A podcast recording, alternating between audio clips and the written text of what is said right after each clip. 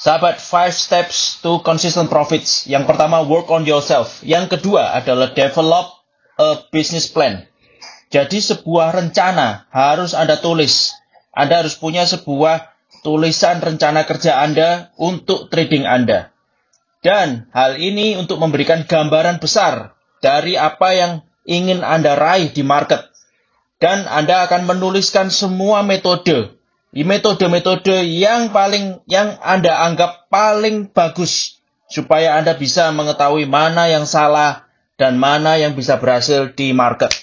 Jadi, dengan developing a business plan, Anda mempunyai rancangan besar atau paradigma yang benar bahwa Anda menulisnya dengan benar, mana yang bisa berfungsi, mana yang tidak berfungsi untuk market yang ingin Anda trade tradingkan. Oke, okay. sukses develop a business plan.